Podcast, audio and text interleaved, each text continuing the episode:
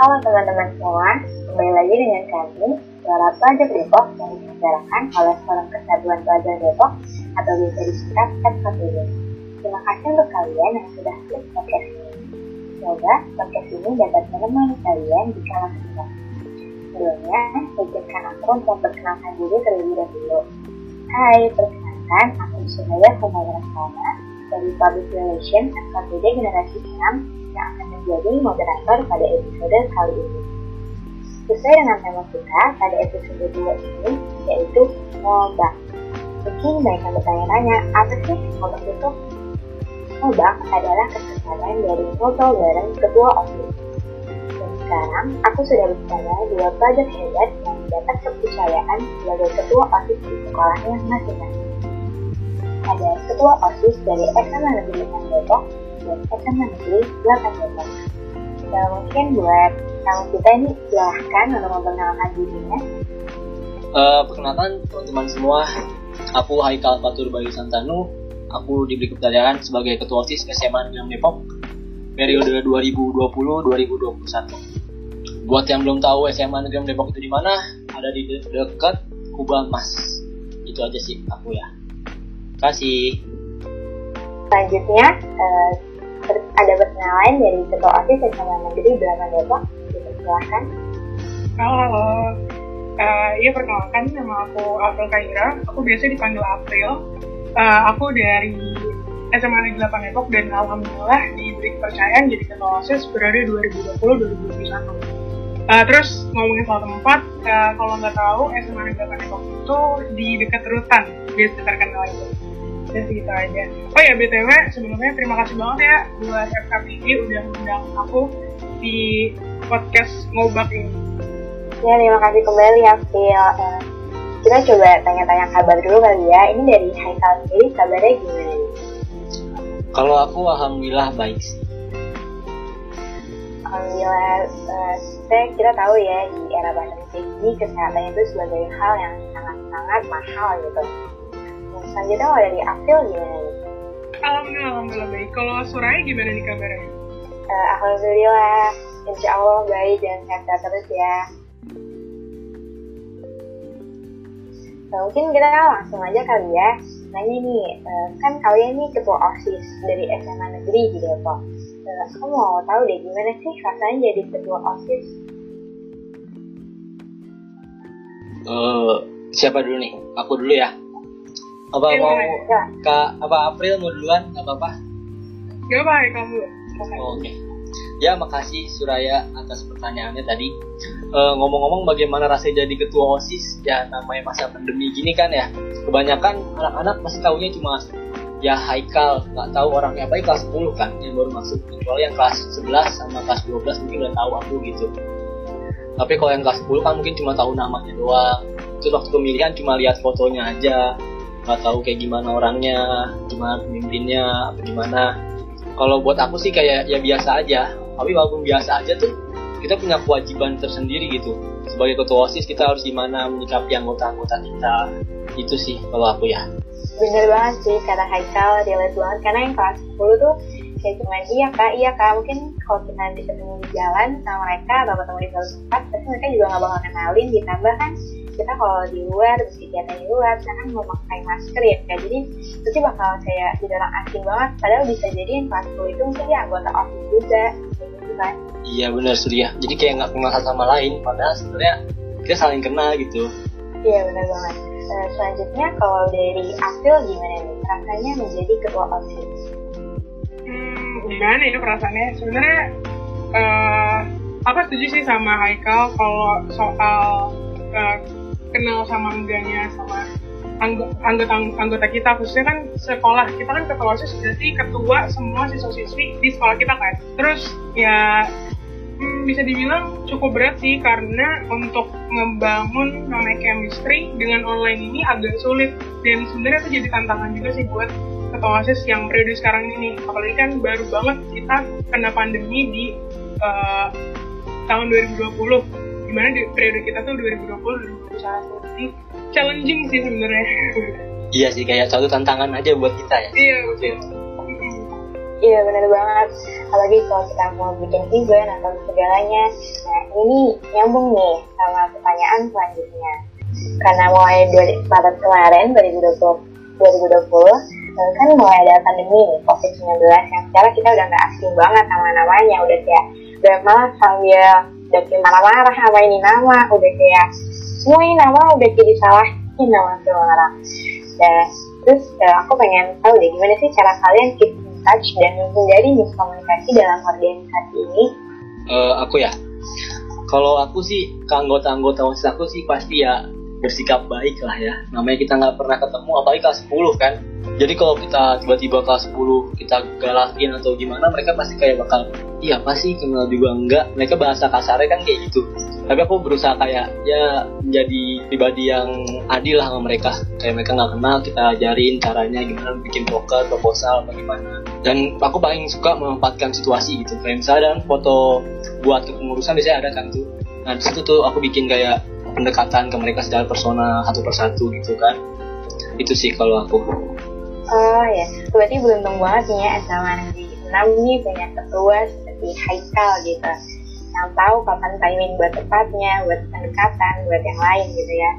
Ini tuh iya, bagus juga karena kan kita terbatas juga ya ketemuan habis itu kita lanjut kalau dari sisi April nih gimana nih cara keep in touch sama anggota OSISnya dan menghindari miskomunikasi Oke, okay, um, pertama ya, keep in touch.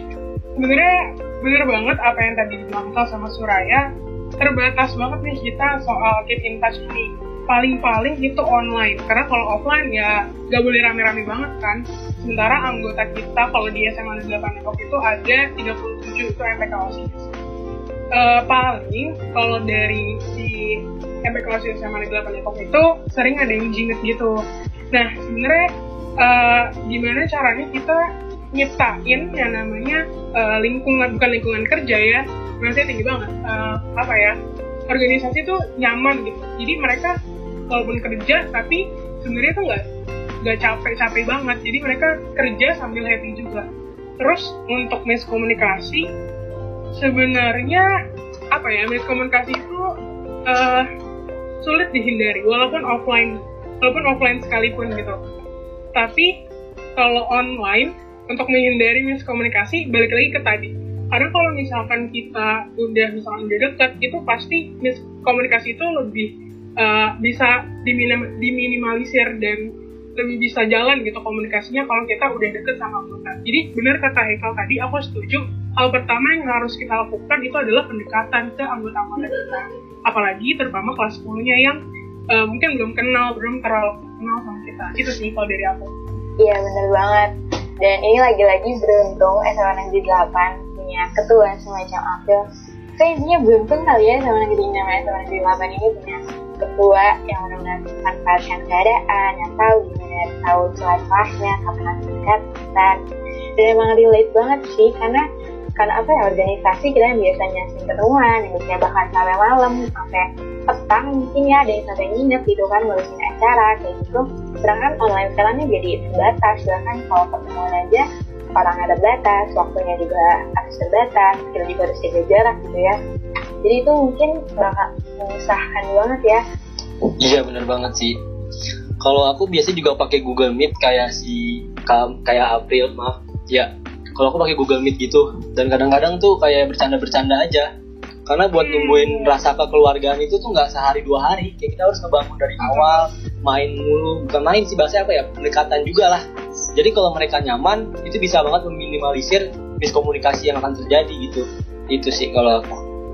Ih, seru banget ya main-main kayak gitu. Kayak main ini bukan dalam kata negatif ya maksudnya kayak main ngobrol-ngobrol hal-hal yang seru atau mungkin ngobrol dari hal yang seru sampai yang berat, sampai hal kecil yang semut kakinya berapa, sampai hal-hal besar yang kayak tentang mungkin anak SMA sekarang udah bisa ngomongin politik kan ya, sampai iya. hal-hal bisa sih, tapi kadang banyak yang so tahu juga sih. yang ya so tahu aja gitu anaknya. Tapi kita ya namanya ketua kan harus ya kita bisa berbaur lah sama mereka. Kita harus tahu karakternya juga mereka tuh orangnya gimana gitu. Nah iya itu membaca karakter anggota tuh yang paling penting ya karena biar jadi kalau misalnya ada job apa buat tempatin dia gimana kira-kira nih aku cocoknya gimana sih biar kayak Biasanya kalau yang nggak sesuai job gitu kan dia suka kabur-kaburan itu nggak sih kalau di kalian?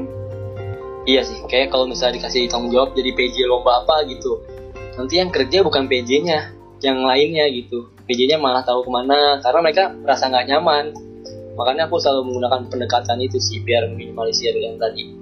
Kalau Afil gimana nih? Pernah nggak sih ngalamin kayak gitu yang nggak sesuai sama yang diminati sama anak osis ini dan jadinya dia tuh kabur-kaburan gitu karena dia nggak nyaman, nggak suka gitu.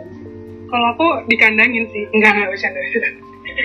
kalau di kalau di sebenarnya ada sih kayak gitu. Cuman kalau menurut aku ya, uh, sebenarnya takutnya ketika misalkan kita udah kenal orang ini, oh orang ini sukanya A, tapi kita nggak tahu nih kita kalau menurut aku uh, kita harus explore nih orang. Gimana maksudnya? Jadi misalkan dia uh, punya potensi di A, tapi jangan sampai kita taruh dia ke di A aja, taruh dia di A aja karena kita tahu dia jagonya di A. Tapi kita harus uh, coba deh uh, A, kamu coba pekerjaan B deh. Maksudnya gimana? Jadi jangan sampai terbentuk yang namanya zona nyaman di anggota karena takutnya apa? Uh, membatasi diri mereka untuk berkembang gitu kalau menurut aku. Hmm, jadi uh, sebenarnya perlu dilihat dari sudut pandang yang luas gitu. Jangan cuma uh, uh, apa ya maksudnya jangan cuma oh kita tahu nih dia jago ini udah kita taruh aja dia selamanya di situ kan nggak mungkin kan. Pasti ah Michael juga setuju ya kan? Iya sih benar banget. Kayak kita hmm. harus bikin dia mencoba. Kayak misalnya taruh di PHD nah untuk proker selanjutnya mungkin bisa dipindahin ke acara biar biar biar dia tuh cobain gitu. Jadi anak acara kayak gimana sih rasanya oh gini. Iya. ya kayak pengalaman baru buat dia sendiri lah kalau kita bilang. Benar banget setuju. Ya benar banget ya. Karena yang kita tahu zona nyaman tuh sebenarnya antara baik dan bahaya banget buat kita. Karena kita terhambat dan tidak bisa berkembang. Tapi bisa juga kalau misalnya buat kita jadi tertekan atau nggak nyaman jadi emang sebenarnya gimana diri kalian juga bisa mempertimbangkan kalian ini mampu atau enggak sih di situ dan pasti kalau ketua yang kayak gini tuh pasti sudah mempertimbangkan yang terbaik gitu loh buat kalian. Semoga ya. Semoga semoga. Uh, dan selanjutnya kan kalau osis nih kita suka yang kayak mantau lingkungan sekolah gitu kan ya? Iya sih bener banget itu. Harus tahu lah. Ya kita kan suka mantau lingkungan sekolah. Nah terus sejak online bagaimana sih cara kalian kayak memantau siswa-siswi lainnya di sekolah karena kan kita biasanya nih juga adanya pembelian atau misalnya ada siswa yang nggak disiplin terus yang tidak sopan nama guru yang seperti itu kan. Kalau misalnya offline ya nah cara kali ini selama online terjalin tuh gimana sih sama kalian dari hal-hal itu terjadi? Siapa dulu ini yang jawab aku atau Haikal? April boleh dulu deh. Oke okay, oke. Okay. Halo, sebenarnya jujur ketika dapat pertanyaan itu aku bingung karena gimana ya gimana cara kita mantau gimana cara kita untuk apa ya saya itu keep in line teman-teman kita padahal kita nggak ketemu padahal yeah. kita nggak tatap muka gitu kan. Terus uh, solusi yang aku yang ada di pikiran aku adalah ya kita nggak bisa nih atau uh, apa osis doang atau MPK osis doang untuk memantau uh, sekolah memantau teman-teman kita tuh nggak bisa osis doang. Makanya apalagi orang kayak gini kerja sama itu yang paling dijunjung tinggi gitu jadi komunikasi sama guru sama pembina osis terus sama wali kelas wali kelas juga. Karena kan uh, kalau wali kelas tuh yang paling deket lah istilahnya sama teman-teman di kelas kan. Soalnya kelas banyak yeah. kan gak cuma satu. Uh, jadi paling di situ sih uh, kerjasamanya itu dijunjung tinggi banget. Entah itu sama ekstrakurikuler sama wali kelas tadi sama pembina osis. Terus sama teman-teman yang lain di luar MPK osis pun uh, terus menjalin komunikasi dan kerjasama yang baik itu sih kalau menurut aku caranya. Iya sama wali kelas sih. Biasanya kalau di sekolahku juga kayak gitu walaupun emang sekolahku sekolah bukan negeri sekolah swasta. Jadi emang kelasnya cuma yang satu sampai dua doang. Jadi emang kita lebih mudah gitu ya mengontrol siswa lainnya. Jadi emang kalau di negeri yang tujuh sekolahnya banyak emang kita perlu komunikasi banget sama wali kelas sama guru dan teman-teman lainnya jadi itu gimana tuh cara cara kamu buat menjalin komunikasi dengan yang lain di luar office atau MPK tuh menjalin komunikasi antara MPK dan OSIS? Eh, di luar MPK dan OSIS. Oh, di luar MPK OSIS. Um, kalau kita, itu kan anggota MPK OSIS itu nggak cuma ada di, di MPK OSIS saja. Jadi mereka, kita, itu uh, ada di uh, ekstrakurikuler masuk juga di jadi kita bagian dari ekstrakurikuler kita juga bagian dari kelas jadi uh, uh, jadi kita berperan banyak di kita main peran banyak nih. Kita bermain peran sebagai uh, anggota MPK OSIS juga. Kita berperan juga sebagai siswa-siswi yang ada di kelas. Kita juga berperan sebagai anggota dari sebuah ekstrakurikuler. Jadi uh, dari situ tuh bisa tuh mantau dan bisa ngajak teman-teman yang lain untuk kayak eh uh, kita nggak boleh nih kayak gini. Seharusnya kayak gini kita punya saran kayak gini. Jadi uh, keaktifannya itu sih jadi jangan jangan kamu ikut MPK OSIS aja ya udah kamu fokusnya di MPK OSIS enggak. Tapi harus bisa apa ya istilahnya tuh uh, nebar jalar iya membaur bener-bener membaur itu sih kalau dari aku. Hmm, jadi emang biasanya anak osis ini anak-anak yang pasti harus mudah banget adaptasi karena harus merangkul yang lain juga. Keren banget sih.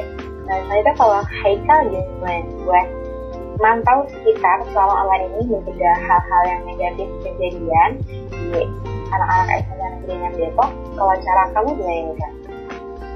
Kalau aku sih ya namanya kita kan OSIS ya. Tujuan OSIS itu kan kayak menghubungkan anak-anak kayak siswa-siswa SMA aku sendiri yaitu SMA Negeri Depok ke guru-guru. Jadi kalau ada apa-apa tuh mereka kan pasti takut kan untuk nyampein langsung kan. Itu bisa lewat aku atau teman-teman aku kalian kan ngomong pasti kayak, "Uh, sebenarnya kita tuh pengennya kayak gini loh." Kita jadi kita mengutarakan mereka maunya apa.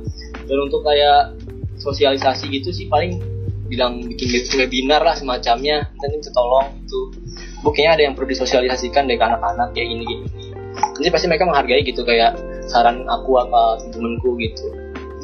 Bener-bener setuju juga sama Michael jadi maksudnya itu kayak sebagai uh, penampung aspirasi. Iya. bener penampung aspirasi dan penampung dari siswa-siswi teman-teman kita ke sekolah.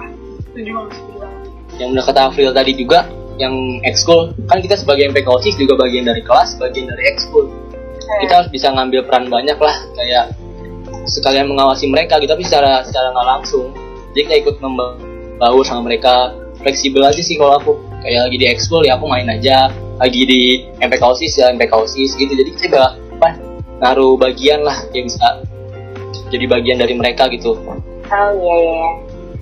Emang jadi kalau MPK OSIS sih pasti bakalan sibuk banget dan sebenarnya sibuk tuh bagi kalian tuh capek atau kayak menyenangkan gitu. Kalau aku sih kayak kedua-duanya deh.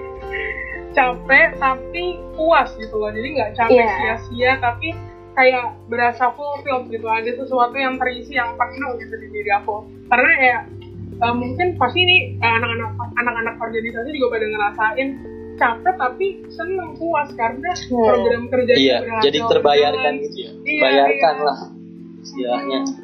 Iya benar banget. Aku juga kayak misalnya kayak kita rebahan nih rebahan seharian itu sebenarnya nikmat kan? Cuma setelah nanti udah nggak rebahan lagi setelah dipikir kayak ngapain ya gue begitu? Capek banget sebenarnya rebahan doang tuh. Walaupun emang nikmat cuman sebenarnya jika rebahan tuh dinikmat lagi kalau kita waktunya dikit kita masih bukan yang lain itu rebahan malah kerasa nikmat banget. Ilmu itu kan bermanfaat ya kalau kita bilang. Hmm. ya emang bermanfaat sih ya tapi ya kita harus berbagi lah ke mereka kita ajarin caranya. Jadi generasi selanjutnya tuh nggak kosong-kosong banget karena pandemi. Kan pastinya minim pengalaman lah kayak terjun langsung kayak ada pekan olahraga dan seni hmm. kan. Itu kan kayak ngurusin lomba. Hmm. mereka belum ngerasain kan tapi kita bisa ngasih tahu gitu. Kayak gini loh kalau ada oh apa offline nanti ada acara offline tuh kayak gini cara nyikapinnya. Jadi mereka nggak kosong-kosong banget pada saat dilepas ke regenerasi berikutnya. Iya yeah, benar banget benar banget.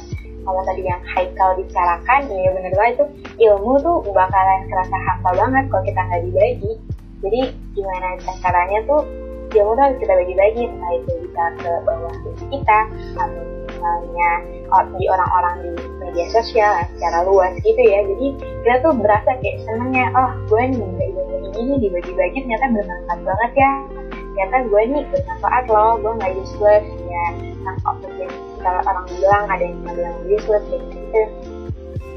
Dan selanjutnya uh, seperti yang tadi uh, aku tanyakan ya pernah seneng atau enggak organisasi ini terus kalian pernah nggak sih kayak ngerasa stres karena organisasi ini digabungkan sama tugas-tugas kan seperti yang kita tahu ya awalnya ini tugasnya numpuk banget dan yang masuk tuh dikit sedangkan yang harus kita kerjakan tuh banyak Nah, cara kalian memanage itu tuh gimana?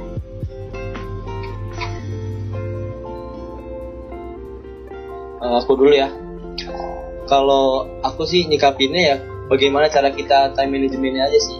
Harus punya skala prioritas sih yang pertama kayak mau ngeduluin apa dulu yang harus dikerjain, apa deadline-nya yang mana dulu gitu. Jadi yang penting pinter-pinter lah ngebagi waktunya buat osis, buat sekolah, buat urusan pribadi juga.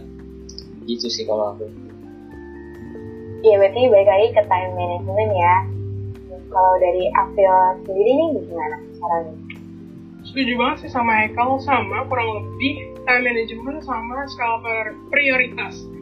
Uh, Sebenarnya aku ada sama satu lagi ya biasanya tuh misalkan ya ada uh, sekarang tuh PJJ dari jam 7 sampai jam 12 misalkan. Terus ada tugas di situ, kalau bisa aku itu ngerjain langsung. Jadi misalkan uh, tugas itu baru dikasih jam 8 terus deadline-nya misalkan satu minggu depan. Kalau bisa tugas itu tuh selesai di hari itu juga. Karena aku tahu nih ke depannya itu bakal bakal banyak jadwal lagi organisasi terus misalkan ekstrakurikuler dan lain sebagainya terus ketika aku di PJ ketika aku ngerjain tugas udah fokus dulu nih tugas dulu uh, apa namanya PJJ dulu. Jangan uh, kalau organisasi nanti dulu kecuali itu urgent banget ya. Itu biasanya kalau urgent ada telepon kayak gitu tuh baru langsung. Jadi sebenarnya kalau uh, buat fokus itu bisa jangan sampai kita ke distraksi kalau misalkan kita apa ya kayak juggling dua-duanya aku tuh jadi nggak maksimal dua-duanya ya kan? Jadi kalau misalkan kita belajar ya udah fokus belajar dulu. Kalau organisasi oke okay, organisasi dulu. Gitu sih kalau dari aku paling. Ya jadi aku pribadi ini setuju banget sama aku karena aku pribadi pernah ngerasain yang kayak tugas oh ya udah deh gue tadi malam bergadang jadinya tidur dulu aja nih pas dari pemain nanti nanti dan itu jadinya semuanya keteteran nanti gue masih yeah. organisasi organisasi kan yang suka dadakan gitu kan tiba-tiba. Iya sih kayak hari ini ke sekolah ya semuanya. Kan kita udah bikin jadwal tapi jadinya keteteran lagi. Itu yeah, makanya benar kata April tadi dikerjain di hari yang sama juga bisa sih. Iya benar banget kan kayak kita udah ada planning hari ini mau ngapain tiba-tiba dipanggil belum kan guru-guru nih pernah ngasih tugas dadakan gitu kalau misalnya cara organisasi ataupun cara tugas mata pelajaran gitu ya. Jadi mungkin buat teman-teman lagi yang dengar ini dan gimana kalian belajar coba nanti kalau misalnya tugas itu jangan ditunda-tunda langsung dikerjakan. Terutama anak organisasi yang kita tuh banyak banget kan tugasnya kita udah ngurusin tugas sekolah terus ngurusin tugas di organisasi. Jadi coba buat tidak menunda lagi gitu ya menunda itu sangat bahaya. Tapi aku ngomong kayak gitu bukan berarti aku nggak nunda juga sih. Iya benar juga sih. Kita nggak ada juga. Ketika kita kayak uh, aduh kayaknya nggak bisa nih hari ini yaudah resiko oh. tapi sebenarnya resiko juga sih. Apa ya jadinya tuh kita uh, ngambil waktu istirahat. Sebenarnya ini nggak baik sih dan nggak boleh dicontoh oh karena benar kata Surya di awal tadi kalau kesehatan. itu tapi ya gimana ya kadang-kadang tuh terpaksa gitu ini deh tidurnya nanti aja ini dulu kerjain gitu. Tapi jadinya jatuhnya maksain diri sih sebenarnya dan itu nggak baik. Aku harus banyak belajar lagi sih kayaknya. Jadi kayak ngeforsir jam tidur ya April ya? iya iya. Ya cuman kayak kita sudah berpikir kayak kalau jam tidur tuh cerita deh kayak aku pribadi itu jam tidur udah rusak banget sama kalau online ini dan tidur bisa berubah-ubah setiap hari. Iya jam dua. Jam satu. Udah kayak mata pandanya udah tebel banget. Iya bener banget. Soalnya kan kayak kopi itu kopi itu enak banget. Cuma nanti kalau aku pribadi kayak nggak terlalu kuat kopi yang jadi buat kayak deg-degan dan kayak gitu. Iya bahaya juga ya buat mah. Kayak efek sampingnya lah intinya. Emang sih sekarang nggak kerasa banget tapi nanti setelah dua bulan jadi ada kecanduan juga kalau kopi itu. Nah bener-bener itu itu sama halnya kayak begadang kayak kalau bisa begadang nih kayak buat tugas buat organisasi pokoknya semua nih akhir-akhirnya jadi korban dari jam tidur. Tapi nanti pas lihat di sosial media kayak begadang tuh bahaya loh. Nanti bisa gini kayak aduh gimana ya? Mungkin agak panik mendengarkan podcast ini. Hmm, makanya mungkin yang mendengar podcast ini punya saran nih buat kita gimana caranya buat pandangan kalian nih lingkungan sekolah kalian tuh sudah di kalangan sehat atau belum sih? Artian sehat itu tuh luas gitu ya, yang mungkin agak toksik, yang jarang terjadi adanya pembulian ataupun cyberbullying gitu. Eh, aku dulu apa gimana? April. Pak April duluan. Haikal Oke. dulu. Kalau pembulian gitu kan kembali ke pribadi masing-masing ya. Kayak kita udah bikin penyuluhan, udah kita arahin yang baik-baik lah intinya. Tapi namanya pribadi manusia kan beda-beda lah.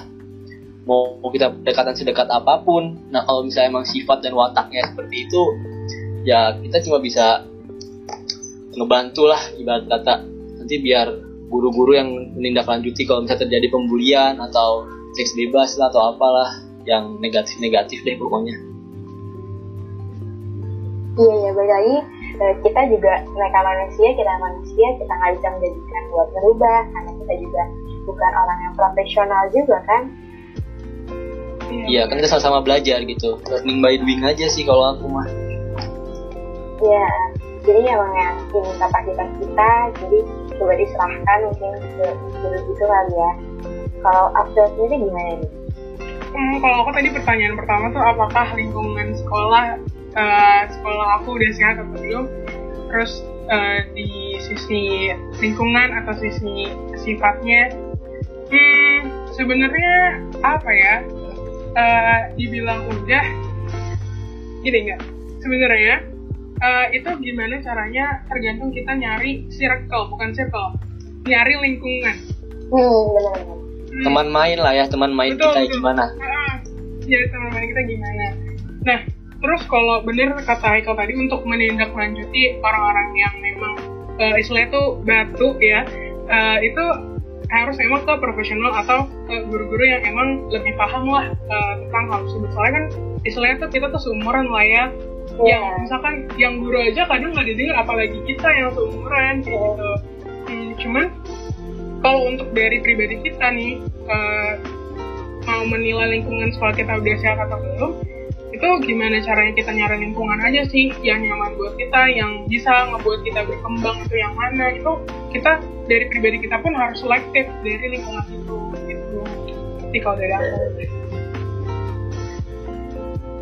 Iya. Uh, Sebenarnya lingkungan sehat atau enggaknya itu tergantung gimana diri kita karena seperti yang orang bilang bisa jadi diri kita tuh jadi orang jahat ya di orang lain. Uh, terus ini sebagai uh, ketua osis kan pasti kalian yang saya mempunyai hak nih buat buat acara yang seru buat menyadarkan juga dari sudut lainnya. Tapi uh, pernah nggak sih kayak ngerasa ini kayak gue pengen banget bikin acara ini tapi setelah gue pikir-pikir kayaknya pas kita nih gak bakal oke deh kalau misalnya gue bikin acara kayak gini. Pernah nggak sih ngalamin kayak gitu? Coba mungkin dari April terlebih dahulu Eh, sebenarnya menurut aku itu adalah tahap pertama yang harus dilakukan sebelum melakukan acara. Kenapa? Karena eh, gimana ya? Menurutku kita ngelakuin proses ini ngebuat acara itu ya untuk siswa oleh siswa dan dari siswa ini udah kayak pelajaran PKN aja ya. Cuma iya emang kayak gitu. Karena buat apa kita ngebuat acara tapi dari siswa itu sebenarnya dia nggak minat jadi manfaatnya itu nggak didapat sama siswanya. Jadi menurutku itu adalah tahap pertama. Jadi jangan sampai nih kita mau ngelakuin ini tapi ternyata siswanya tuh nggak mau. Jadi itu jangan-jangan itu cuma kemauan kita aja bukan kemauan dari siswa. Nah tapi kan kadang tuh siswa siswi tuh suka ini ya eh, apa yang positif positif suka ah mager ah mager gitu kayak. Nah, itu sebenarnya pinter-pinternya dari osis aja nih gimana ya kita ngemas acara ini biar mereka tuh menarik mereka tuh tertarik gitu ikut acara kita. Itu sebenarnya kalau untuk eh, mengatasi hambatan dari siswa-siswinya itu tadi kalau menurutku. Bener banget sih kalau yang soal positif biasanya agak susah kita buat nge-blow up acaranya. Itu emang baik lagi ya ke kita gimana caranya mengemas itu kreativitas kita nih diharuskan buat. Gimana sih nih acara biar seru baik lagi berarti teman-teman mungkin yang mendengarkan ini tolong mungkin kalau nanti organisasi yang membuat acara itu tolong menghargai gitu ya. Karena baik acara tuh ada jadi kayak yang nggak tidur yang meluangkan waktunya terus biasanya bisa pulang pergi ngurusin ini itu. Seperti itu ya. Agak sangat apa ya mengecewakan sih kalau misalkan respondennya atau apa pesertanya sedikit atau tidak terlalu menarik acaranya. iya ya benar banget. Aku tahu banget ya rasanya gimana. Dan untuk Haikal sendiri nih gimana? Pernah nggak sih? Kalau aku itu kayak apa tahun lalu periode sebelumnya lah, aku ngelaksanain porseni gitu kan, jadi ketua pelaksana. Dan itu kayak misalnya lomba-lombanya kan lomba lah lomba puisi atau apa, itu kayak nggak ada yang minat, yang daftar cuma beberapa doang. Padahal kayak harus seluruh kelas tuh ngirimin perwakilan lah buat jadi peserta lomba, tapi kayak jadi kosong aja gitu. Cuma isi cuma lima orang, apa enam orang. Nah terus aku bikin kayak inovasi lah dari porseni itu aku bikin kayak give form buat mereka-mereka anak yang mau menyanyikan lomba-lomba apa nih kayaknya nih yang enak nih buat porseni tahun ini dan akhirnya aku bikin give form kan tuh biar anak-anak itu bisa kayak mereka mau lomba apa sih sebenarnya biar mereka partisipasi dalam porseni kali ini oh ternyata pada mau bikin lomba band. Akhirnya aku bikin lah tuh lomba band. Dan responnya tuh banyak banget. Hampir setiap kelas ngirimin bahkan lebih dari satu bandnya. Itu kayak wah berarti emang harus kayak gini. Bener kayak kata April tadi dari siswa untuk siswa balik lagi ke siswa lagi. Itu sih kalau aku ya. Iya berarti ya yang penting tuh tahu ya apa sih yang sekitar mau gitu.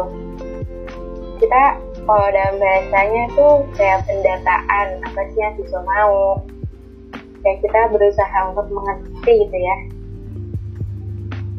Iya, apalagi jalannya acara tuh ya gak cuman panitianya aja nih yang all out yang maksimal banget, tapi butuh juga dari pesertanya dari yang kerjasama kerjasama lainnya. Gak bisa cuman panitianya aja yang semangat, tapi peserta-pesertanya juga perlu gitu. Baru acara tersebut bisa dikatakan sukses, ya nggak?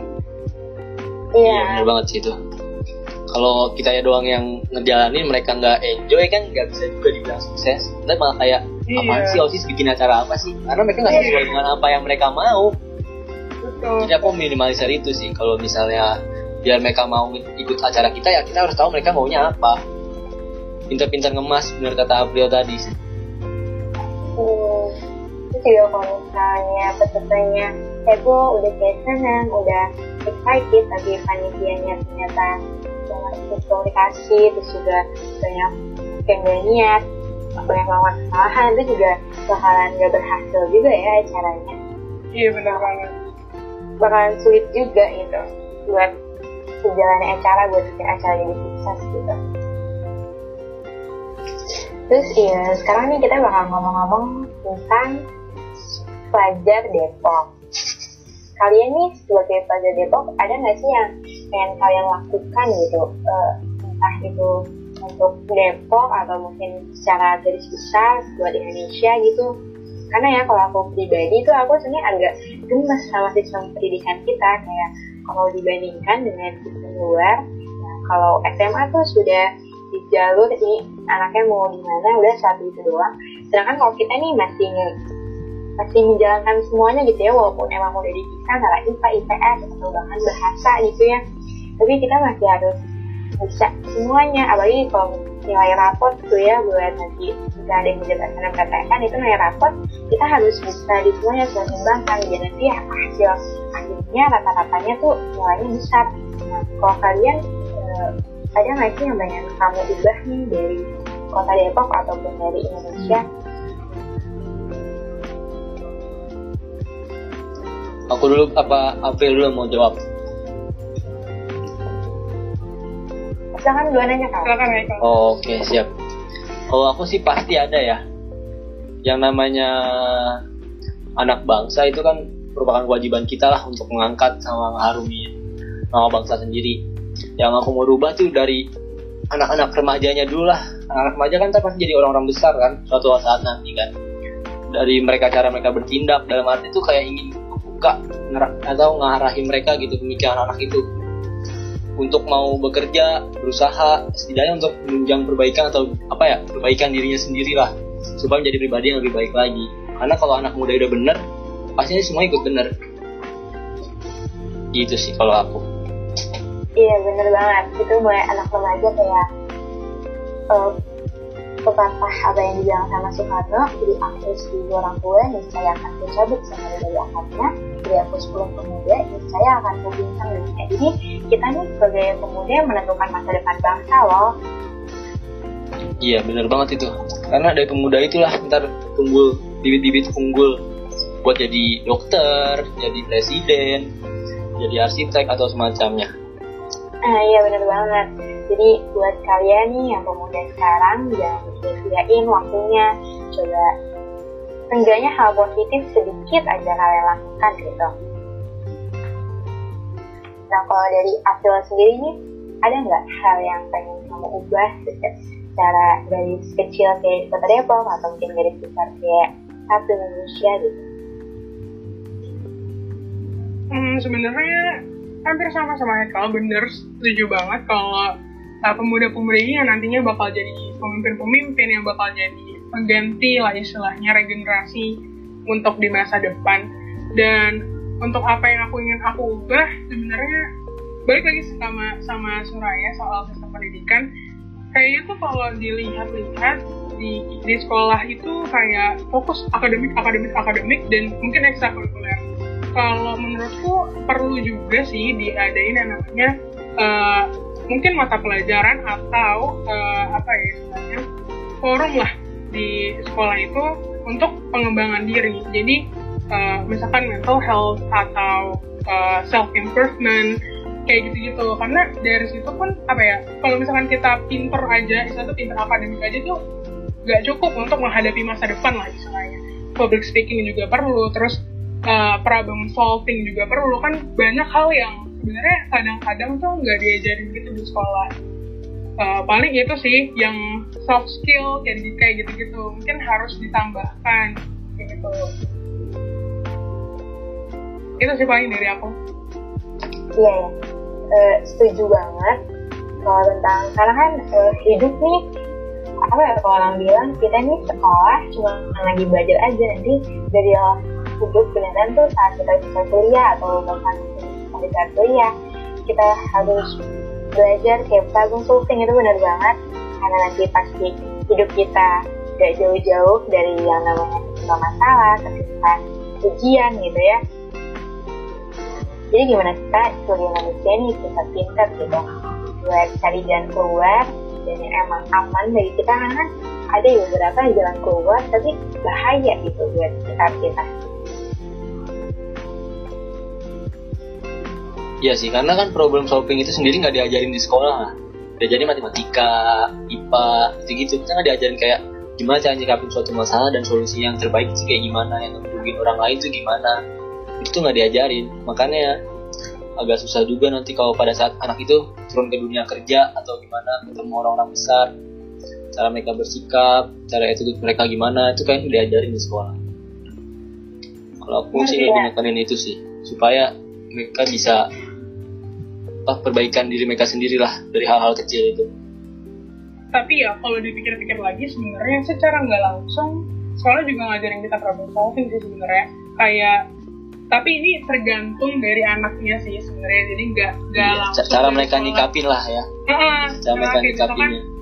Iya, misalkan kayak ada tugas MTK dan tugas bahasa Indonesia di hari yang sama. Itu kan hal apa kita nyelesain itu kan itu sama aja problem solving gak sih? Kayak uh, apa sih? Heeh, ya kan. Jadi problem solving sebenarnya nggak harus yang masalah besar, tapi sesimpel itu aja uh, udah mengajarkan kita problem solving. Cuman itu balik lagi tergantung diri masing-masing. Jadi belum ada kayak uh, apa sih arahan kayak sebaiknya tuh kayak gimana sih untuk menyelesaikan masalah kadang tuh kita harus cari lebih dalam lagi di luar sekolah kayak misalkan ikut webinar ikut salah satu apa acaranya FKPD juga nih yang lo lokalate Iya bener banget. Kalau ada problem solving tuh kalau aku pribadi ya organisasi tuh ngebantu banget nggak sih? iya setuju setuju karena di organisasi tuh apa ya uh, kita tuh kayak istilahnya dan ilmu yang teman-teman mungkin yang teman-teman di luar organisasi itu nggak dapat kayak contoh uh, iya sih emang di kelas itu ada kerjasama kayak kerja kelompok. Tapi kerjasama itu nggak seluas kerjasama di organisasi karena kerjasama di organisasi itu bisa sampai di luar uh, di luar organisasi lain terus di luar sekolah bahkan di luar kota atau uh, dengan orang-orang yang lebih tinggi gitu. Kayak misalkan SMA uh, ngajuin ke perusahaan apa itu kan kerjasamanya ini banget ya. Sama yeah. problem solving juga terus time management banyak sih yang didapetin dari organisasi itu sebenarnya. Gimana banget. Kadang uh, bahkan ya aku pernah mikir kayak bisa nggak sih gue organisasi aja kayak bahaya sih sebenarnya kayak jadi mengesampingkan sekolah tapi kayak beneran ngerasa organisasi itu seseru itu dan kayak kayaknya ini yang bakal beneran gue butuhin di hidup walaupun pendidikan itu penting penting banget tapi kadang kan e, kalau aku pribadi ya ada kalanya tuh jenuh gitu loh belajar mungkin apa entah ini bukan passion aku pembelajarannya salah jurusan mungkin kali ya Waduh, salah jurusan. Tapi kayak emang gitu sih, buat nyari hal positif yang lainnya sih. Kalau aku bilang, kayak aduh jenuh banget nih belajar kayak oh iya ngosis aja lah kayaknya lebih enak nih kayak kita jadi public speaking kayak ngomong depan orang banyak kan latihannya nggak sehari dua hari. Ya pasti awalnya lah gugup lah pasti kan. Tapi lama kayak terbiasa oh jadi kayak gini rasanya public speaking gitu.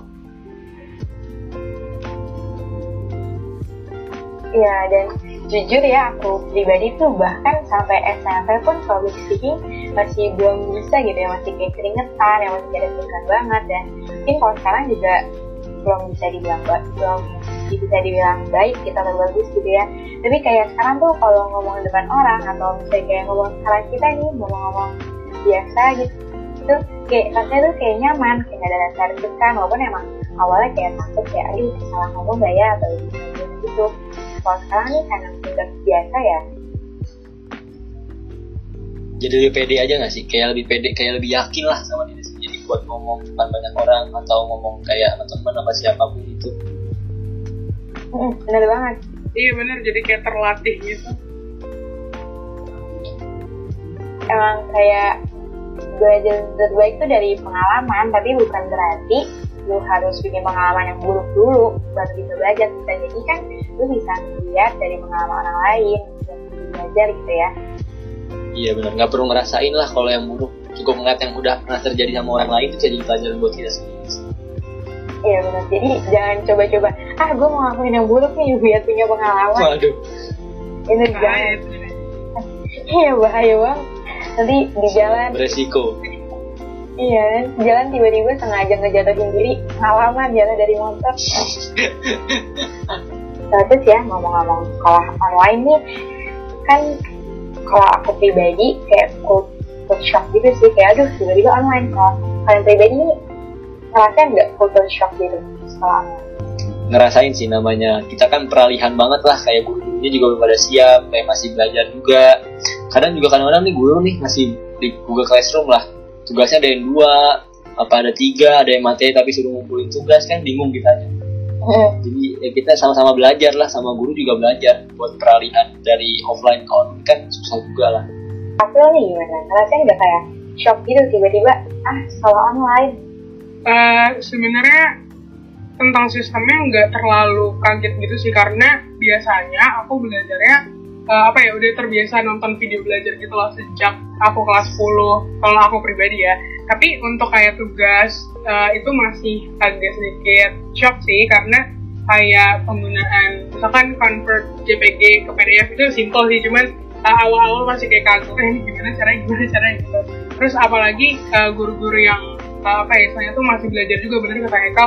Jadi ada beberapa yang nah ini gurunya maksudnya gimana ya? Kok kayaknya aneh apa yang dia maksud?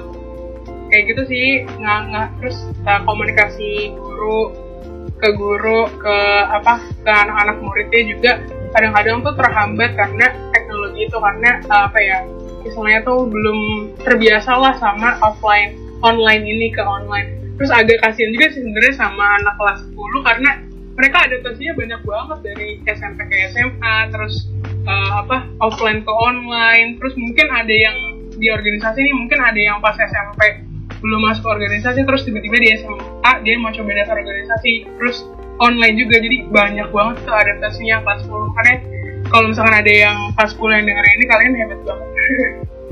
Iya ngerasa beruntung sih.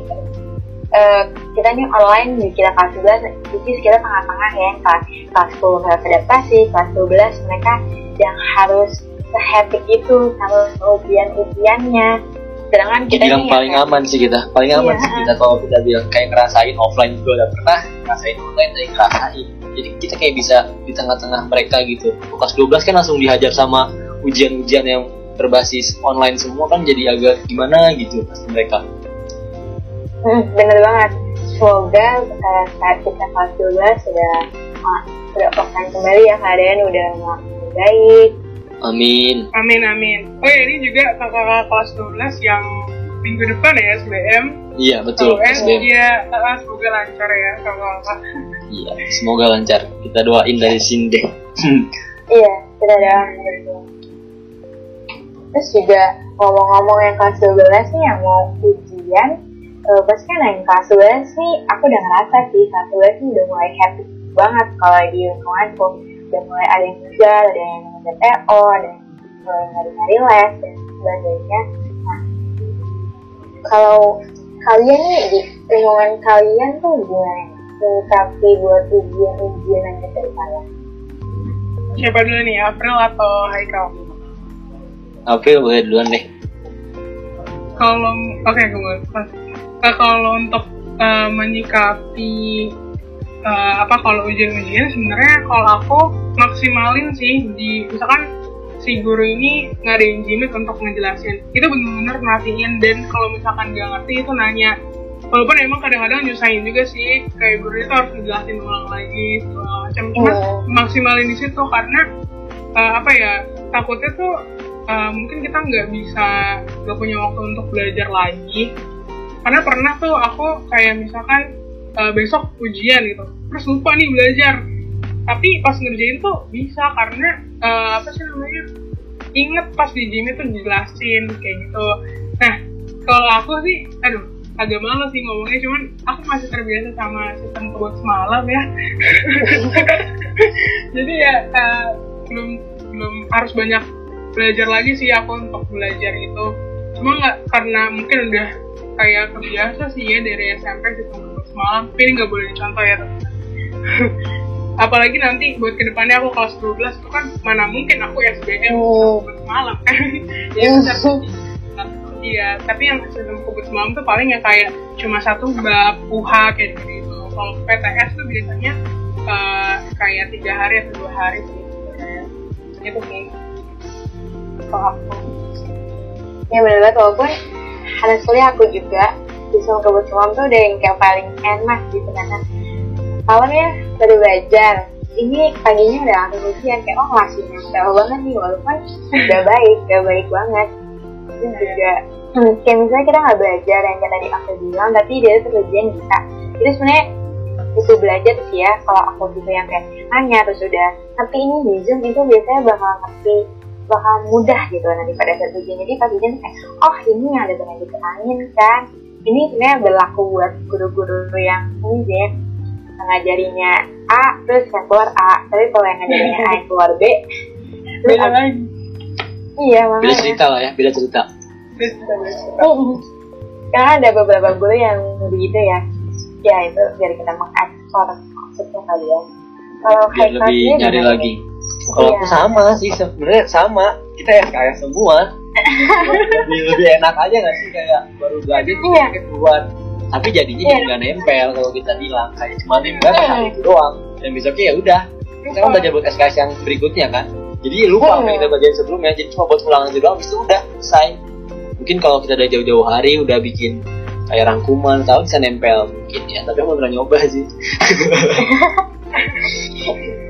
Bener sih, SKS tuh eh, buat ujiannya mantep, tapi buat diri kitanya sendiri tuh enggak karena kitanya tuh nempel, tapi itu nguap karena diisi lagi kan sama yang lain. Iya benar. Apalagi kalau ujian tuh kan biasanya berderet kan. Senin, Selasa, Rabu, Kamis. Iya, iya. Tapi kalau kayak PTS gitu nggak bisa tuh SKS. Ya belum lagi kan kalau PTS gitu sehari 2 sampai 3 pelajaran ya. Iya iya benar. Terus eh, ngomong-ngomong soal ujian gini, ini kan kita kalau ujian pasti namanya belajar. Kalau belajar gitu pernah gak sih kalian tuh ngalamin yang namanya kehilangan motivasi motivasi untuk belajar atau mungkin di sekitar kalian nih di lingkungan sekolah gitu ngeliat teman-teman yang kehilangan motivasi belajar kayak yang beneran males kalian mau nasihat mau dinasehatin diri sendiri atau kalian nasihatin ke orang lain tuh gak bakal ngaruh gitu karena nggak sih ngalamin kayak gitu atau ngeliat orang lain kayak gitu aku dulu apa April dulu? boleh boleh Haikal dulu Oh. Oke. Kalau aku sendiri sih kayak kalau misalnya benar-benar stuck di situ kayak udah ah, capek banget gue. Kayak udah malas banget lah ngerjain. Kayak ngelakuin dulu aja gitu hobi yang aku suka. Kayak misalnya aku suka olahraga, sepedaan. Bisa aku muter-muter dulu naik sepeda itu kayak udah pulang kayak ah enak juga. Yaudah lanjutin, lanjutin, lanjutin lagi yuk kerjaannya. Karena pendidikan itu kayak senjata paling mematikan di dunia. Karena kalau kita punya pendidikan yang tinggi, kita bisa mengubah semuanya gitu. Hmm. Jadi itu kalau Haikal cara ningkatin motivasi belajar ini ngelakuin hobi ya? Iya, ngelobihin, akuin hobi yang aku suka, habis itu aku balik lagi ke pelajarannya. Nah mungkin buat yang lagi ngerti ini terus pernah ngalamin atau mungkin nanti ke depannya walaupun jangan sampai ya kayak kehilangan motivasi belajar bisa tuh nanti uh, diselingi dengan hobi-hobi yang kita suka. Nah kalau Abdul sendiri gimana nih Phil? Eh, kalau aku sih jujur ya, aku biasanya misalkan aku kayak udah eh, motivasi udah turun banget gitu ya. Aku biasanya ke YouTube dan nontonin video eh, keterima di unit ini terus eh, misalkan keterima di beberapa beasiswa terus eh, apa namanya eh, nonton-nontonin orang yang lagi belajar itu tuh jadi kayak apa ya? Ih, keren banget nih eh, bisa keterima di ini, bisa keterima di ini. Kayaknya kalau misalkan aku mau kayak gitu, aku harus belajar sekarang. Kalau misalkan aku mau terus, ya nggak bisa, bisa kayak mereka, nggak bisa aku kayak nggak ngapain mimpi aku kayak gitu, gitu. Terus eh, kalau misalkan kalian tahu ada yang apa eh, di YouTube tuh ada kayak audio apa study study motivation. Nggak tahu kenapa aku kalau dengerin itu kayak menggebu-gebu gitu loh belajarnya nggak tahu kenapa cuma iya sih aku biasanya larinya ke YouTube gitu kalau misalkan uh, motivasinya lagi turun untuk mencari apa ya istilah tuh tendangan lagi biar semangat lagi gitu sih biasanya Iya sih bener sih. Kalau kayak kita, kalau orang bilang kayak mau dapet SNM nih, kalau berdoa aja tuh nggak cukup banget. Iya, lu harus ngelakuin effort lebih lah buat dapet SNM atau mau SPM Iya, atau iya. mandiri sekalipun kan. Ya benar jadi caranya April nih harus dibikin malu dulu ya biar kayak sadar kayak Soalnya kan kayak gitu dibikin malu dulu nih. Lihat nih ada orang yang males-malesan belajar nih. Dan tadi yang Haikal bilang yang SNM ben- apa ya berusaha benar berdoa gitu kayak aku jadi keinget gitu loh aku tuh pernah dengar dari alumni eh, jadi dia bilang kayak gini berdoa kalau nggak sama usaha itu namanya bohong. Usaha kalau tanpa doa itu namanya sombong. Atau terbalik ya? Bener bener. Nggak kembali kok. Enggak tidak bener kok. Udah udah bener, udah bener, udah bener, udah bener. Iya, kayak gitu. Dan itu sebenarnya kalimatnya simpel ya, tapi kayak bener banget ya sih? Kalimatnya kayak Iya sih kayak relate banget sama kita kayak ya bener. Kalau berdoa doang nggak bisa jadi apa-apa. Kalau usaha doang tanpa berdoa nggak bisa juga. Saya saling membutuhkan satu sama lain doa usaha saling melengkapi lah kalau orang bilang. Hmm, bener banget. Eh, terus ini ngomong-ngomong masih dengan sekolah, yang ujian dan itu gitu. Kemarin kan udah ada nih ya kelas 12 yang pengumuman SNMPTN, habis itu juga hari ini ya, kalau nggak salah tuh pengumuman UI apa sih? PKBN apa ya? Oh, PPKB bukan sih? Iya PPKB UI itu dan Iya. seperti itu. Nah, dan mungkin eh, ada pendengar yang lagi mendengarkan, terus merasa menurut banget mungkin karena merasa gagal di salah satu itu atau keduanya. Eh, ada nggak sih kayak motivasi kalian nih pada saat merasa kegagalan tuh apa sih? Mungkin dari Haikal dulu. Sorry sorry eh sorry ya tadi aku ada inian apa namanya maaf bisa ulangin lagi nggak? Nah, gini. Eh, jadi kan kemarin udah ada pengumuman SNMPTN ya, dan sekarang PPKB. Nah, mungkin kan nggak semua orang lolos kan, dan eh, ada yang nggak lolos mungkin di dua tempat itu atau mungkin salah satunya. Nah, biasanya nih kalau kamu ngerasain kegagalan kayak gitu, apa yang kamu lakuin dan kita nih kita nih sebagai yang kelas 12 sama-sama memberi semangat buat yang kelas 12 buat yang mungkin masa kegagalan gimana nih kalau kalau aku sih kayak kayak gitu kan apalagi SNM ya. SNM tuh kita nggak tahu lah cara penilaian dia, dia gimana kayak hmm. cara dia ngambil siswanya gimana kayak soalnya kayak temen aku ada yang nilainya tinggi banget. Total nggak masuk sedangkan ada yang biasa-biasa itu total masuk. Itu kan kayak ah kok bisa kayak gitu deh? Jadi bingung sendiri. Terus kalau PKB kan ya mungkin nilainya bagus kali ya. Kalau aku sih lebih ngambil simpelnya kali. Kayak misalnya kita nggak dapat SBM nggak dapat PKB dan mungkin jalan kita bukan di situ. Mungkin Allah punya apa punya rencana lain lah untuk kita sendiri gitu. Hmm benar-benar. Mungkin Tuhan punya rencana yang lain ya karena kan yang tahu segala galanya yang terbaik itu buat kita tuh Tuhan. Dan kalian mungkin sekarang udah kerja keras dan nanti sisanya diserahkan aja ke Tuhan. Kalau Axel nih gimana nih Phil? Eh, tadi cara menghadapi kegagalan ya. Kalau Iya, kegagalan tuh biasanya ngapain sih kita eh sebenarnya pasti sih di awal tuh kecewa. Itu pasti sih. Eh, apa sedih kayak eh, aduh nggak dapet nih aduh gagal. Itu pasti sih ada. Tapi eh, jangan sampai kita berlarut-larut sih sama apa kekecewaan itu. Karena sebenarnya yang disebut gagal tuh ketika kita nggak nyoba lagi ya nggak sih?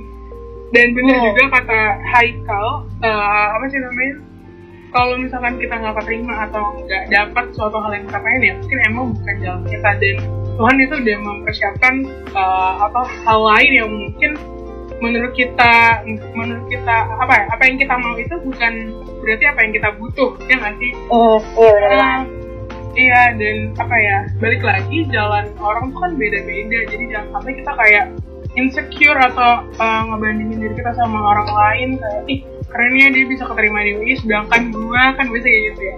Iya, iya. kalau gue iya kayak gitu tuh uh, sebenarnya balik lagi ke kita tuh semua tuh beda jangan disamain itu sih paling. Ya jadi kalau buat kakak nih yang masih masa kegagalan atau sekarang lagi penat mungkinnya karena kayak gue udah coba ini itu tapi itu masih gagal. Mungkin bisa coba istirahat dulu sebentar kalau menurutku sih ya kalau misalnya mau nangis atau misalnya mau meluapkan, mau meluapkan emosi itu silahkan banget karena pernah nggak sih kayak ngerasain ditahan-tahan nanti jadinya tuh malah jadi bom waktu gitu loh hmm jadinya jadi capek sendiri gitu loh nahan emosi Iya nanti jadinya malah meledak di suatu saat dan nanti malah jadi yang yang nggak tahu apa-apa malah nanti bisa jadi kena sama diri kita sendiri tanpa sadar gitu ya. Terus juga eh, ngomong-ngomong kesuksesan, keberhasilan gitu ya kan beda-beda kayak istilahnya tuh kalau aku pernah baca di sosial media kayak 5 tambah 5 10, 7 tambah 7 10, 9 tambah 1 10 dan itu kan caranya beda-beda ya gimana cara sampai ke angka 10 itu. Jadi buat kalian yang lagi mendengar ini ataupun pada kelas 11 ataupun kelas 9 itu setiap jalan orang tuh beda-beda kok nggak apa-apa. Kalau misalnya sekarang gagal nanti bakalan ada jalannya sendiri. Juga aku malah pernah itu melihat cerita di sosial media kayak dia gagal nih jam di Indonesia ikut SNMPTN, SBMPTN, dan tes-tes dari universitas lainnya. Tapi tiba-tiba dia keterima di universitas di negara sana di Sydney gitu. Kan pernah nggak sih kayak dapat da- dapat atau kayak baca cerita-cerita tentang keberhasilan orang gitu jadi ini jadi motivasi juga buat yang mendengar gitu. Kayak kalau dulu boleh Haikal silahkan eh aku sih pernah baca-baca kayak gitu. Jadi kayak bikin kita kayak oh iya dia aja bisa. Kok kita nggak bisa? Oh iya bukan membanding-bandingkan ya tapi kayak mau motivasi kita sendiri lah. Kayak gagal nggak apa-apa loh. Nggak selamanya kegagalan itu bakal jadi gagal terus. Kegagalan tuh apa kesuksesan yang tertunda aja. Kalau menurut aku sih kayak gitu. Kayak kita ada gagal di SNM atau kakak-kakak di sana ada gitu gagal di SNM gagal dari PPKB atau apa. Mungkin jalannya di SBM atau jalur mandiri atau mungkin di luar itu masih ada peluang-peluang lain gitu yang bisa diambil. Ya benar banget dan kalau aku sendiri gimana? Pernah nggak sih baca-baca cerita yang kayak gitu?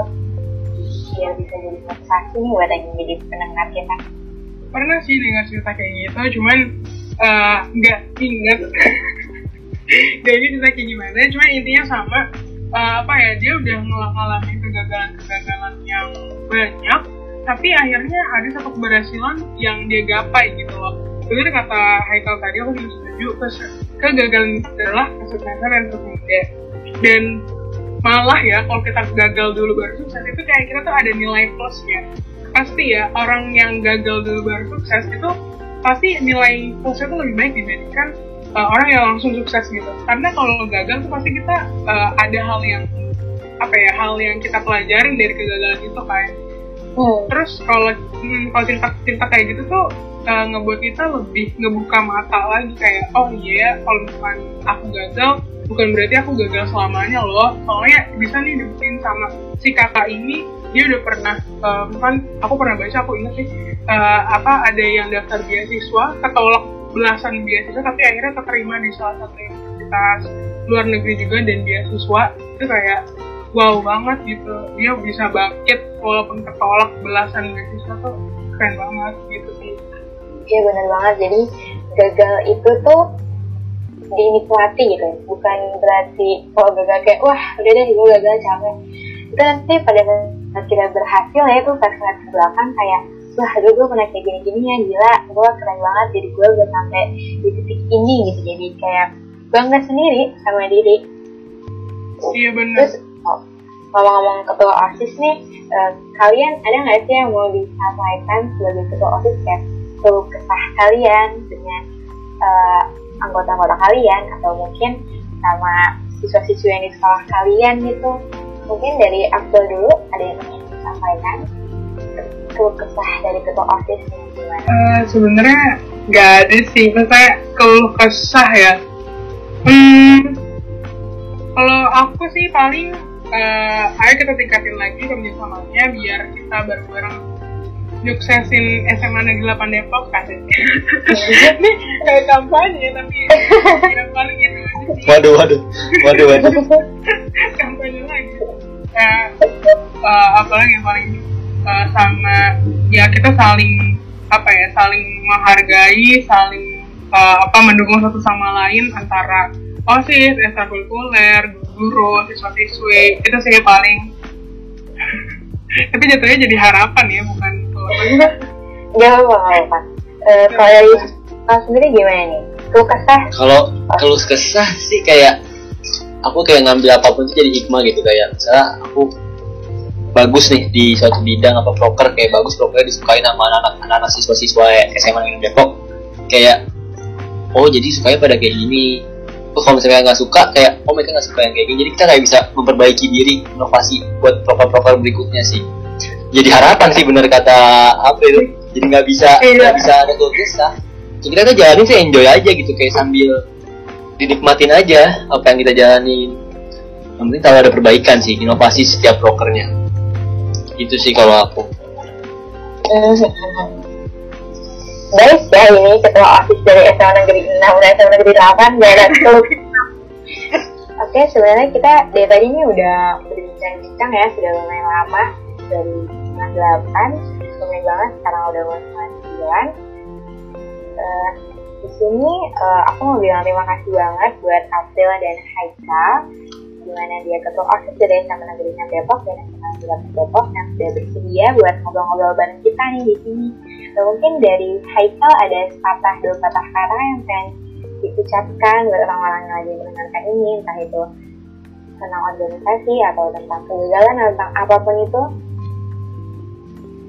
Uh, aku buat ketua-ketua OSIS yang ada di kota Depok ataupun di mana pun deh aku mau nyampein kata-kata yang menurut aku sangat apa ya nampol banget deh kalau orang bilang. Uh, di bawah kepemimpinan yang baik itu anggota bodoh pun ada gunanya gitu. Dan di bawah kepemimpinan yang kurang baik anggota terbaik pun nggak akan bisa dipakai atau nggak ada gunanya. Jadi tingkatkan deh apa namanya kemampuan yang kalian punya. Mumpung kalian masih menjabat jadi ketua osis. Kayak gunakan apa yang bisa kalian gunakan gitu. Okay untuk ketua OSIS di kota Depok ya dengerin kata-kata Haikal ini. Karena di kota Depok tuh kan banyak banget ya sekolah-sekolah. Walaupun kota Depok daerahnya kecil tapi itu banyak banget sampai 300 sekolah. Iya bener banget. Nah, dan selanjutnya dari Abdul nih ada sepatah dua patah kata kah untuk pendengar kita. Iya iya. Oh ya sebelumnya makasih juga ya uh, buat FKPD udah ngundang aku sama Haikal buat di podcast. Iya, ini. seneng Oh. banget aku diundang ke FKPD buat Iya. jadi pembicara sih kalau dibilang pembicara sih tapi diundang lah intinya Ngobrol kita ngobrol bareng. iya betul Nah, kalau untuk patah katanya mungkin buat semua nih yang lagi dengerin mungkin lagi persiapan buat PTS atau lagi apa lagi minggunya remedial terus lagi persiapan SBM atau kelas 10 yang lagi pusing sama tugasnya pokoknya semuanya siapa pun itu uh, semangat terus jangan ragu sama diri kalian sendiri karena uh, semua orang itu pasti punya kelebihan dan kekurangannya masing-masing.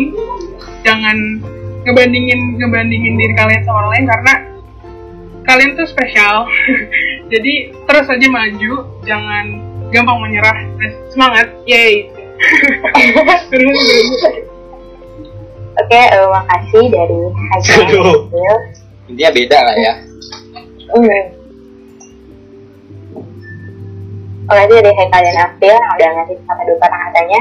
Dan lagi-lagi, aku juga pengen bilang kalau kalian tuh nggak sendiri kan. Kita sebagai manusia ya, kadang kalau lagi down banget tuh kayak ngerasa, kenapa ya gue sendiri banget. Ya, gue di sini benar-benar hidup sendiri, apa-apa sendiri, walaupun emang pada dasarnya kita hidup terus mandiri, tapi kita tuh sebenarnya nggak sendiri. Kalau misalnya ada masalah, coba bisa di-share dengan orang-orang yang kalian percaya, atau misalnya sekedar ngetik aja di sosial media, itu tuh bisa meluapkan emosi kalian loh. Tapi ngetiknya di sosial media tuh dalam angka yang baik gitu ya jangan sampai kayak berbullying ke orang lain. Bener-bener jangan hate speech iya sih kita harus apa ya kalau pakai media sosial juga harus hati-hati sih sekarang. Soalnya bahaya banget udah ada IT gitu. Iya bener banget. Jadi sekedar mungkin nulis atau misalnya kan orang gambar jadi kayak banyak meluapkan emosi juga. Jadi jangan ngerasa sendiri. Ya, itu eh, kita udah di penghujung acara terima kasih buat teman-teman yang sudah mendengarkan. Terus lagi-lagi aku mau bilang terima kasih dan terima kasih buat eh, tamu kita hari ini, Abdul dari SMA Negeri 8 Depok dan Haikal dari SMA Negeri 6 Depok. Eh, mungkin kalian nih eh, dalam waktu dekat ada acara apa nih SMA Negeri 6 Depok dan SMA Negeri 8 Depok? Ini dari Haikal bisa mempromosikan acaranya kita silahkan sekali. Eh, kalau aku sih paling ada STCP sih Eh, Save the Children Project gitu kayak kita ke panti asuhan gitu mana panti gitu-gitu sih kalau aku. Mungkin ada yang mau ikut ke apa sih namanya itu ya? Aku lupa kan. Aduh. Volunteer volunteer. Apa namanya? Iya kayak mau ikut gabung lah ke acara kita. Bisa banget sih itu. Terus silahkan buat yang mau gabung menjadi volunteer di acaranya SMA Negeri 6 Depok tuh bisa bisa hubungin ke mana tuh Haikal? nanti bisa DM IG Emposnya aja kok Apa nama IG Emposnya? Empos 6 Depok nanti cari pasti ada Nah, nanti bisa DM ke Instagram Empos 6 Depok dan selanjutnya dari SMA Negeri 8 nih mau ada acara apa nih? Eh, kalau dari aplikasi SMA Negeri 8 Depok itu ada yang baru, apa nih ada yang baru? Jadi nanti di YouTube-nya eh, MPK OSIS SMA Negeri 8 Depok itu bakal ada It Talks. Jadi semacam talk show dan gabungan. Kalau misalkan pernah nonton TED Talks itu hampir mirip kayak gitu. Eh, terus eh, nanti bakal tayang tanggal 31 Maret di YouTube-nya MPK sama 8 Depok. Jadi langsung cek ya, jangan lupa nonton. Oke, eh, semangat buat ini, buat SMA Negeri 6 Depok, SMA 8 Depok, buat acara dalam waktu dekat dan buat dari SKPD sendiri itu acaranya itu kalian bisa lihat banyak banget, bahkan banyak banget acara yang dilakukan juga dengan SKPD kalian bisa follow Instagram SKPD di @skpd Depok SKPD Depok gitu ya Ya, dan kalian bisa followin kalian itu kita bakal buat banyak banget acara dan itu mencakup buat anak-anak kota Depok. Jadi kalian yang anak Depok harus banget follow Instagram SKPD Depok. Uh, aku mau bilang terima kasih buat yang mendengarkan sudah mau mendengarkan obrolan kita nih eh, dari para ketua asis juga dan aku sebagai host di sini. Jangan lupa kalian yang kalian buat stay healthy, stay happy, terus jangan biarin pikiran negatif menguasai diri kalian. Sampai bertemu di episode selanjutnya. Saya Suraya Primaira, pamit undur diri. Bye-bye.